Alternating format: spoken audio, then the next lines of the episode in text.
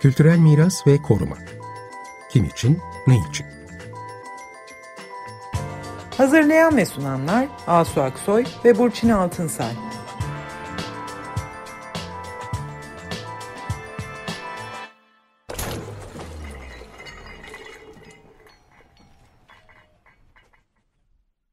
Merhabalar, ben Burçin Altınsay. Merhabalar, ben Asu Aksoy. Bu akşam çatışma savaş ortamlarında kültür varlıklarının nasıl korunması gerektiğini, bu konudaki uluslararası anlaşmaların neler olduğunu konuşacağız. Bu çok acil bir konu tabii. Bu yüzden planladığımız programımızda değişiklik yaptık ve bu akşam bu konunun uzmanı Zeynep Gülünal'la konuşacağız. Pazartesi akşamı itibariyle aslında beş gündür e, Rusya'nın harekatını izliyoruz ve birçok yerde Ukrayna'da bombalar patlıyor. Tabii ki bunun hem sivil e, şey, sonuçları var hem de kültür varlıkları üzerinde e, sonuçları olabiliyor savaş ortamlarında. Bu akşam ne yapılabilir kültür miras varlıklarının korunması ile ilgili uluslararası konvansiyonlar neler söylüyor? Burçin sen e, misafirimizi tanıtacaksın. Zeynep Gül Ünal. Hoş evet, geldiniz. Evet. Hoş geldin Zeynep. Hoş bulduk. Merhabalar. Zeynep e, zaten acil durumlarda hemen e, koşan ekiplerle de çalışıyor. Bizim de e, programımıza hemen acil şekilde geldiği için de teşekkür ederiz. Bize de koşmuş oldu. Bu Rusya-Ukrayna meselesinde Uluslararası İKOMOS'ta bir bildiri yayınladı Perşembe günü ve duyduğu kaygıları söyledi. Bazı uluslararası sözleşmeleri hatırlatarak bu durumlarda geçerli olan Zeynep Gül Ünal e, profesör ve Yıldız Teknik Üniversitesi'nde öğretim görevliliğini sürdürüyor. Aynı zamanda da İKOMOS'un başkan yardımcısı ve bilimsel komitesi İKORP'un yani risklere hazırlık bilimsel komitesinin Türkiye'deki biriminin başkanı, Türkiye'de de bir İKORP komitesi var. Onun da başkanı insanlar nedeniyle veya doğal afetlerde kültürel mirasın korunması, kurtarılması, risklerin belirlenmesi ve azaltılması konusunda çalışıyor komite. Gül de bu konuda zaten arama kurtarma ekipleriyle de çalışıyor sürekli. E, evet, İKOMOS da bunu hatırlattı. Başka organizasyonların da duyuruları oldu. E, ayrıca İKOMOS e, yakın zamanda yine Gül'ün bize söylediğine göre bir kriz izleme ve müdahale komitesi oluşturmuş. E, bu komiteyi de kurmak ve Gül'e e, başkan yardımcısı olarak verilmiş. Dolayısıyla bize bu durumlarda neler olduğunu anlatabilecek e, en doğru kişilerden biri Gül. Ve de tabii bu savaş diyelim ya da çatışma zamanlarında yakın yıllarda çok önemli kültür varlıklarını kaybettik ne yazık ki. Halep bunların çok belirgin bir örneği. Çok da iyi korunmuş olan Halep kenti bayağı tahrip oldu. E işte Myanmar'da, Etiyopya'da bu enzeri şeyler sürüyor. Bu durumlarda kültür varlıklarına koruyabilmek için neler yapılıyor? İstersen oradan başlayalım Gül. Nasıl çalışmalar yürütüyorsunuz şu anda? Hem İKOMOS'ta hem İKORP'ta bu durumlarda kültür varlıklarını koruyabilmek için. Çok teşekkür ederim ee, sevgili Barış'ın, sevgili Asu. Öncelikle çok hızlı bir şekilde e, program değişikliği yaptınız ve bu konuyu önceliğe aldığınız için. Tabii genelde çatışma adı altında toplayalım çünkü e, isimler değişebiliyor. E, bir grup için özgürlük savaşı diğer bir grup için terör saldırısı olabiliyor. Bu terminolojiler yakın zamanlarda çok sıkıntı yarattı. Dikkat ederseniz Ukrayna'daki durumda savaş olarak tariflenmedi. Bir operasyon gibi şu anda tanımlanıyor. Ama genel olarak o yüzden başlangıçta bu terminolojiyle ilgili bir şey söyleyerek başlamak istedim tüm silahlı silahların kullanıldığı bu e, çatışmaları çatışma başlığı altında zikredeceğim konuşmanın bundan sonrasında. Çok ee, tabii uyarı çok... yaptın aslında. Bu çok önemli evet, gerçekten. Evet. Çünkü özellikle farklı gruplar arasında e, meydana gelen bu olaylardan sonra masaya oturduğunuz zaman kullandığınız terminoloji çok önem kazanıyor. E, takdir edersiniz ki biz zaten uzmanlık alanı kültür varlıklarının korunması olan bir organizasyon olduğumuz için de özellikle bu tür terimleri dikkatle kullanmak durumundayız ki taraflar arasında yeni sürtüşmelere neden olmayalım. Çatışma durumlarında kültür varlıklarının korunması tabii çatışmanın kendi tarihi kadar eski ve aynı zamanda korumanın tarihi kadar da eski. Ee, bazen şöyle bir soruyla da karşılaşılabilir, sıklıkla karşılaşılıyor. Ee, özellikle bir insani krizin olduğu durumda yani can kaybının e, yaşandığı, güvenlik sorunlarının olduğu bir durumda kültür varlıkları ne kadar önemli gibi. Evet. Şöyle aslında cevap verebilirim buna.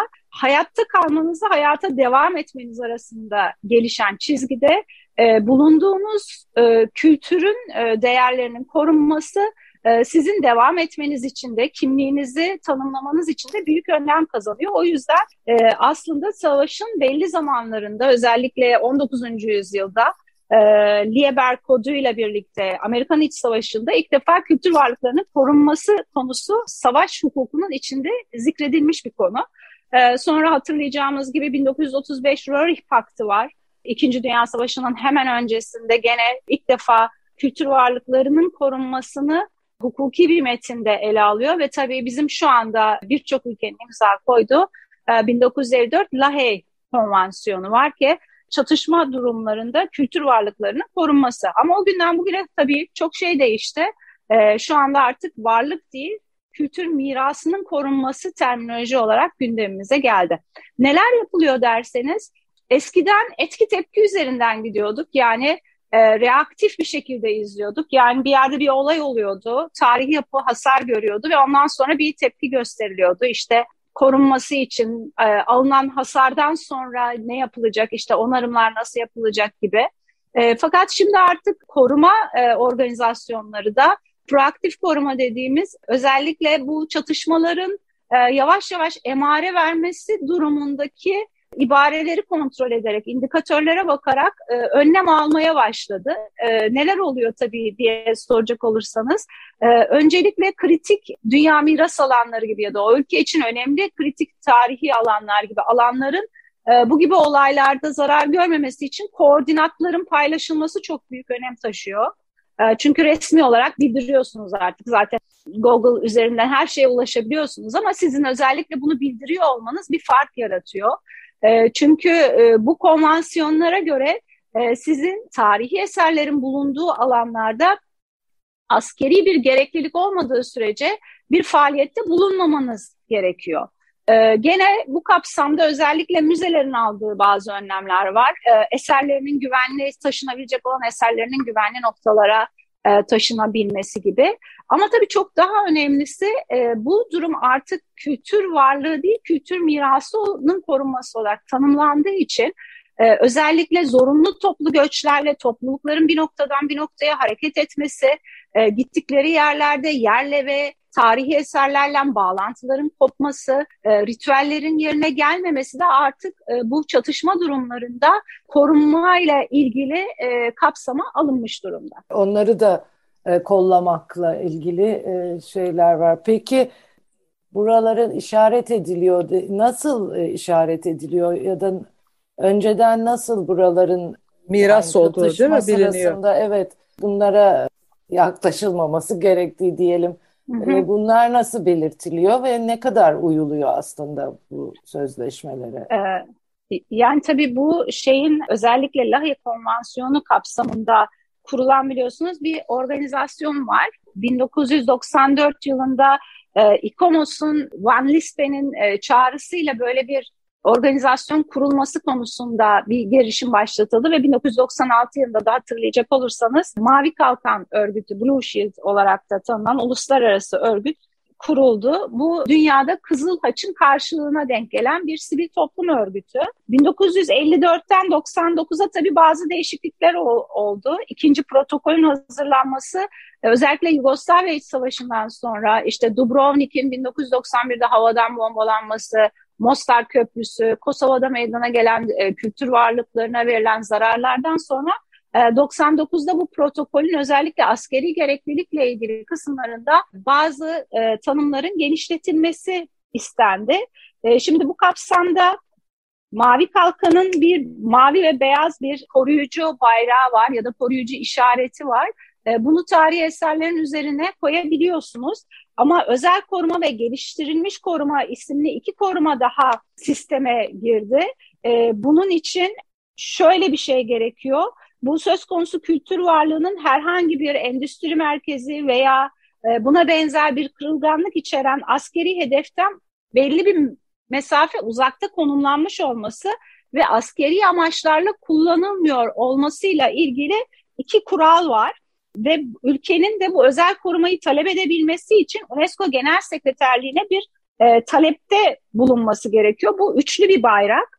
E, geliştirilmiş koruma ise sadece Rahe protokolünün 99 ikinci protokolüne taraf olan ülkeler tarafından şey yapılabiliyor, devreye e, sokulabiliyor ve amacı da tabii uluslararası olan veya olmayan çatışmalar sırasında tam ve etkin korumanın sağlanmasını amaçlıyor. Bu işaretler yapıların üzerine konulduğu gibi mesela bir diyelim ki değerli eserlerin transferi gerekiyorsa konvoya da bu işareti e, koyduğunuz zaman saldırı yapılmaması gerektiği anlamına geliyor. Burada tabii en önemli sıkıntı e, ya da karşılaşılan sorun e, daha önce de belirttiğim gibi askeri gereklilikle ilgili bir şey. Çünkü e, bu e, yapıların e, kalkan olarak kullanılması, içe, içlerinde karşı faal, askeri faaliyetlerde bulunması evet. durumunda e, tabii ki bu yapılarda vurulabiliyorlar.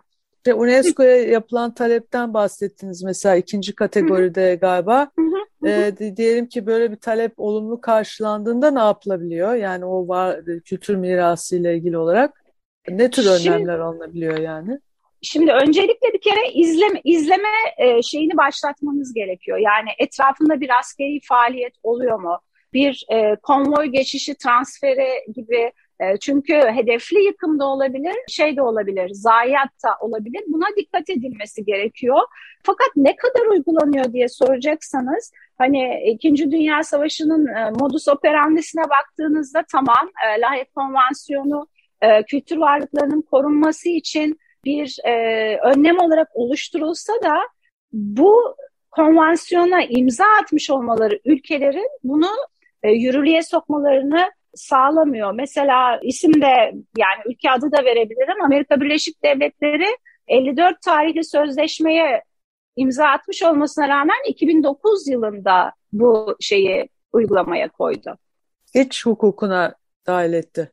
Evet. evet. Hı hı. Gene aynı şekilde e, İngiltere'de 2017 tarihinde iç hukukuna dahil etti. Peki hiç ceza alındı mı diye bakıyor, bakacak hmm. olursak çünkü İlk engellemenin bir yolu o değil Aha. mi? Yani ceza evet, verebilmek evet. aslında. Evet. evet. Yani aslında tabii olay olduktan sonra e, verdiğiniz cezanın caydırıcılığı ne kadar oluyor? Bu da ayrı bir e, tartışma konusu. Çünkü e, hani alınan hasarı geri almak mümkün olmuyor.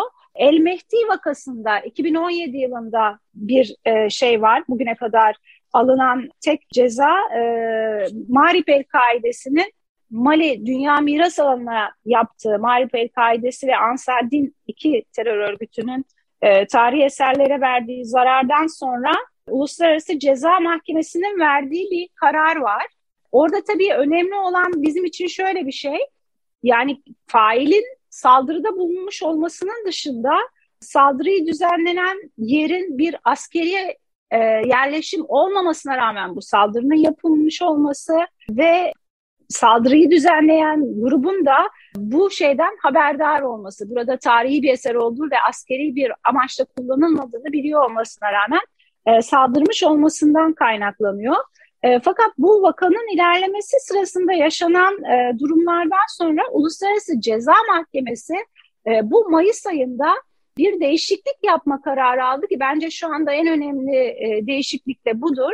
E, çünkü e, özellikle mesela UNESCO'nun kültür varlıklarının korunması, askeri e, el kitabı gibi çok sayıda yayın olmasına rağmen kültür varlıkları dediğim gibi mirasın somut olmayan kısmını tanımlamıyordu. Yani siz bir tarihi yapıya diyelim ki bir dini yapıya zarar verdiğiniz zaman bunun e, şeyi e, suçun karşılığı tanımlı ama burada e, bir ritüel gerçekleştirmek üzere e, yapıyı kullanmak isteyen kişilerin bu yapıya ulaşmasının engellenmesinin bir suçu yoktu mesela. Şimdi bu yeniden tanımlandı ve Haziran ayında da yürürlüğe konuldu ve ilk defa e, ceza mahkemesi cultural property yerine cultural heritage, kültür varlığı yerine ya da kültür malları yerine kültür mirası tanımını kullanarak e, somut olmayan mirası bu kapsama aldı. E, burada tabii tanımlar da değişmiş oldu. Bu özellikle askeri kanadı da çok ilgilendiriyor. Çünkü bir barışın tesisi ya da barışın korunması operasyonu da olsa, bir savaşın içinde de olsa e, kültür varlığının uluslararası e, korunması ile ilgili normlarda kültür varlığı ya da kültür mirasının tanımını yeniden yapılmış olması onlar için de tabii e, yeni bir hareket noktası geliştirmiş oldu. Askeri kanadın neden bu kadar ilgilendiğini de bir altına çizelim. Hatırlarsanız çok yakınlarda bir e, geçen sene bir ülke, Ukrayna'ya yakın bir ülkede tarihi dokumun içinde bir tatbikat yapıldı ve büyük ses getirdi. Hatta sonra ülke özür diledi. Çünkü mesela NATO'nun 2035 e, kentleşme konsepti diye bir konsepti var. Buna göre deniyor ki Birleşmiş Milletler'in sayılarına göre şehirde yaşayacak insan nüfusu 2050 yılına kadar e, %55'ten %68'e çıkacak ve e, askeri kanat e, bundan sonra meydana gelecek çatışmaların büyük bir kısmının da kentlerde olma ihtimalini yüksek görüyor. Yani meskun mahal operasyonları. Bu tabii bizim için çok sıkıntılı bir durum. Çünkü çoğu e, tarihi dokunun içinde gerçekleşecek gibi görünüyor ki şu anda da Ukrayna'da karşılaştığımız e, durum bu. Dolayısıyla şu anda e, askeri kanatta bu operasyonlar sırasında uluslararası hukukun çerçevesinde e, düzenli ordulardan bahsediyorum tabii. Bu şeyi ihlal etmemek için ne yapmaları gerektiğine ilişkin e, yeni stratejiler geliştirmek üzerine çalışıyorlar. Evet, söylediklerinden anladığımız kadarıyla e, Gül, yani ülkeler kendileri başvuruyor tehlike altında olduğunu hissettiği kültür mirası için. Değil mi? Ondan sonra bu işaretler ve onlarla ilgili önlemler. E, iki e, yani geliştir gelişmiş koruma için evet bunu e, yapmanız gerekiyor. Gelişmiş korumayı almak için bunu yapmanız gerekiyor.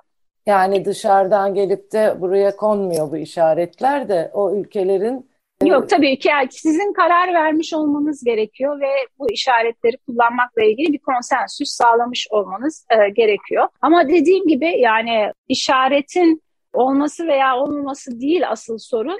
Sizin işaret olmamasa bile koordinatları bildirmeniz durumunda zaten aynı şeyi de deklarasyonu da vermiş oluyorsunuz aslında evet. yani hastanelerin de vurulmaması gibi, arşivlerin vurulmaması gibi. Dolayısıyla bunları da ülkelerin kabul edip askeri şeylerin içine katmış olmaları gerekiyor. Ama diyorsun evet. ki düzenli olduğu zaman yani böyle çalışmalarda sürekli var.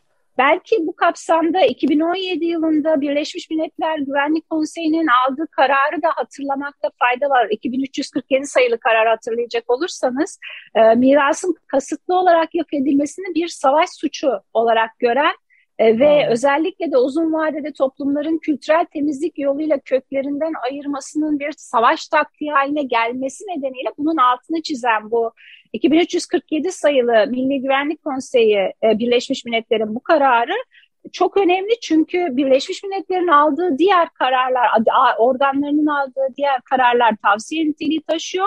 Ama Güvenlik Konseyi'nin aldığı bu karar devletler için e, bağlayıcı bir nitelik taşıyor. Özellikle Birleşmiş Milletler Anlaşması'nın 25. maddesine göre tüm üye ülkeler e, Güvenlik Konseyi'nin aldığı kararları kabul edip uygulamakla yükümlü. Dolayısıyla bizim için 2347 uluslararası hukuk açısından e, önemli bir yaptırım gücü taşıyor ama e, tabii şey e, zarara engel oluyor mu bunu Peki ama en azından yani dava konusu olabiliyor herhalde. Dava yani konusu, böyle... dava konusu olabilir. Evet, olduktan sonra olabilecek. Diyoruz. Evet, Olduktan, olabilecek. Evet. Evet. Ama bu sefer Ukrayna'daki durum için galiba biraz daha erkenden harekete geçilebildi gibi görünüyor. Orada hızlıca şu anda neler yapılmakta Ukrayna'daki durum Evet bir için? komisyon kurulduğundan bahsediyor. Komisyon çalışma e, grubu. E, bir çalışma grubu diyelim. Uluslararası Anıtlar Sitler Konseyi'nin biliyorsunuz bir çalışma grupları var. E, bu gruplar yönetim kurulu kararıyla e, oluşturuluyor ihtiyaç halinde ve uzun yıllar çalışabiliyorlar. Risk altındaki miras, e, miras alarmı gibi e, çalışmalar bu şekilde başlamıştı. Bu özellikle çatışma ve afet durumlarında, doğal afet durumlarında diyelim, e, kültür varlıklarının korunmasıyla ilgili ve uluslararası partnerlerimizin e, çağrılarına da cevap verebilmek amacıyla. Çünkü bir afet durumunda tabii kapasiteleri düşebiliyor veya tamamen yok olabiliyor. Dolayısıyla e, diğer ülkelerin desteği gerekebiliyor ki bu yaz meydana gelen yangın ve sellerde özellikle Avrupa'da bu devreye girdi. Hemen arkasından kriz müdahale grubu da bu şekilde çalışma grubu oluşturuldu. E, tabii e, şeyi düşünecek olursanız hani İKOMOS'un 114 ülkede e, milli komitesi var ve birden fazla e, kriz durumu ortaya çıkabileceği için e, görev güçleri oluşturularak çalışması konusunda bir oluştu. E, şu anda e, Ukrayna içinde bir izleme grubu var. E, tarihi yapıların çevresinden bilgi alınmaya çalışılıyor. Milli komiteyle daha çok erken olduğu için kusura bakmayın çok ayrıntılı bilgi veremiyorum. Paris'te başlayacak toplantıda biraz daha netleşmiş olacak. E, ve tabii ki tarafların tüm ülkelerin temsiliyetinden dolayı biraz soğukkanlı ve e, tamamen bilimsel çerçevenin dışına çıkmadan, e, duygusal davranmadan hareket ederek bu izlemeyi doğru yapması ve belgelemeyi doğru yapması e, ve gerektiği durumda e, ev sahibi ülkenin ya da bu olayın gerçekleştiği ülkenin başvuruda bulunması durumunda gerekli desteklerin verilmesiyle ilgili hazırlık yapılıyor. İKOMOS'un sen de Avrupa e, grubundan sorumlu başkan yardımcılarından birisin. Böyle gruplar var İKOMOS'un içinde. Biz de bu Avrupa grubu içindeyiz ve aynı zamanda hem Rusya hem Ukrayna'da aynı grubun içinde. Dolayısıyla İKOMOS bağlamında bizim de böyle konuyla direkt ilgili bir durumda oluyoruz. E, sen evet, de bu işleri evet. yürütüyorsun. Çok teşekkürler bu kadar evet, yoğunken bayağı... geldiğin için ve bize bunları açıkladığın için. E, umarım ben teşekkür ederim. Dinleyiciler de anlamıştır. Biz de anlamaya çalıştık bazı şeyleri evet. E, karışık ama değil mi? Çok kapsamlı bir konu aslında bu. Bir sürü boyutu var. Yani bu manevi değerlerinin de aslında kültür varlıklarıyla birlikte sadece fiziki varlıklardan değil, manevi değerlerin korunmasından da bahsediyoruz. Dediğiniz gibi insanlar göç etmek durumunda kaldığında ne oluyor? E, ya da bu e, savaş e, sonuçlarının hatırlanması, ileride hatırlanması konusunda peki bunların etkisi ne oluyor? Yani kötü etkilerinin e, hafızadan kaybolmaması konusunda ne, ne çalışmalar, arşivler falan bu yüzden. Bir de iki taraflı önemli. bir konu tabii. Yani evet. bu bunlara dikkat çekince tam da aksine kullanılabiliyor bunların tahribatı da e, çatışmanın parçası olarak kullanılabiliyor. Bunlar böyle çok hassas dengelerde e, çalışılması gereken konular. Burçin aslında çok önemli bir konuya değindin. Ee, bizim o konuyla ilgili bir genel teamülümüz var hatırlarsanız antik dönemde Efes'teki tapınağın ünlü olmak için yakan Herostratus için evet. alınan şeyi hatırlayacaksınızdır. Ee, birinci ceza idam edilmesi, ikinci daha büyük ceza ise adının bir daha anılmaması yönünde. Çünkü ünlü olmak için yapıyor e, bu eylemi, tapınağı yakma eylemini ve bizim açıkçası özellikle terör saldırılarıyla yapılan e, tarihi eserler için böyle bir yaklaşımımız var. E, genelde propagandasının yapılmaması için eylemi e, çok dikkatli tanımlıyoruz yani alınan hasarı ama eylemi yapan grupların propagandasını da yapmamaya çalışıyoruz. Görüntüler mesela o yüzden e, çok dikkatle paylaşılıyor. Tabii burada e, şu anda devam eden bu tür olaylar ya dördüncü nesil savaş mı ya da melez savaş mı farklı farklı tanımları var tabii ya da melez tehditler de deniyor, melez savaş da deniyor. E, sosyal medyanın da çok dikkatli kullanılması gerekiyor. Biz o yüzden tüm verileri alırken, sosyal medyadan açık kaynakları kullanırken olayla ilgili e, bir güvenilirlik süzgecinden de tüm e, şeyleri geçirmek gerekiyor. Gerçekten buna dikkat etmediğimiz zaman e, sıkıntılı bir durumu kendimiz de yaratabiliyoruz. Çok da önemli bir konu. Medyada e, dezenformasyon ve e, misinformasyon konularının e, kültür varlıkları üzerinden e, kullanılması. Çok boyutlu bir şey hakikaten. Evet. Çok Asos... kapsamlı oldu evet artık bitirmemiz gerekiyor. Evet Asos'la ilgili de bir duyurumuz vardı. E, evet yani Asos'ta aslında e, Antik Limanı'nda yapılan bu kaya ıslahı projesini biz daha önce 18 Ekim'de Cem Tüzün'le görüşmüştük. Dava açılacağını da anlatmıştı. Nitekim bu dava açıldı ve bu Kaya İslahı adlı projenin yürütmesinin durdurulmasına mahkeme karar verdi. Bu çok iyi bir gelişme. Gerçi orada da işte kayalar bayağı bir tahrip edildi. Evet orada da bayağı... biraz sonradan alınıyor tabii bu evet. kararlar ama en azından bir aşamadır. Evet aslında e, kapanış için de e, önemli bir haber oldu. E, her ne kadar birçok çalışma e, bu Kaya İslam'da olduğu gibi bazen iyi niyetli başlasa da iyi bir risk analizi çalışması yapmadıysanız e, verdiğiniz tahribat daha fazla riske de neden olabiliyor. E, umarım tahribat daha fazla ilerlemeden zaten bir şey oldu aslında ama bu noktada durmuş olur. Ee, ben çok teşekkür ediyorum. Biz de çok teşekkür için. ederiz böyle acele geldiğin için. Herkese iyi akşamlar. Evet, teşekkürler, iyi akşamlar.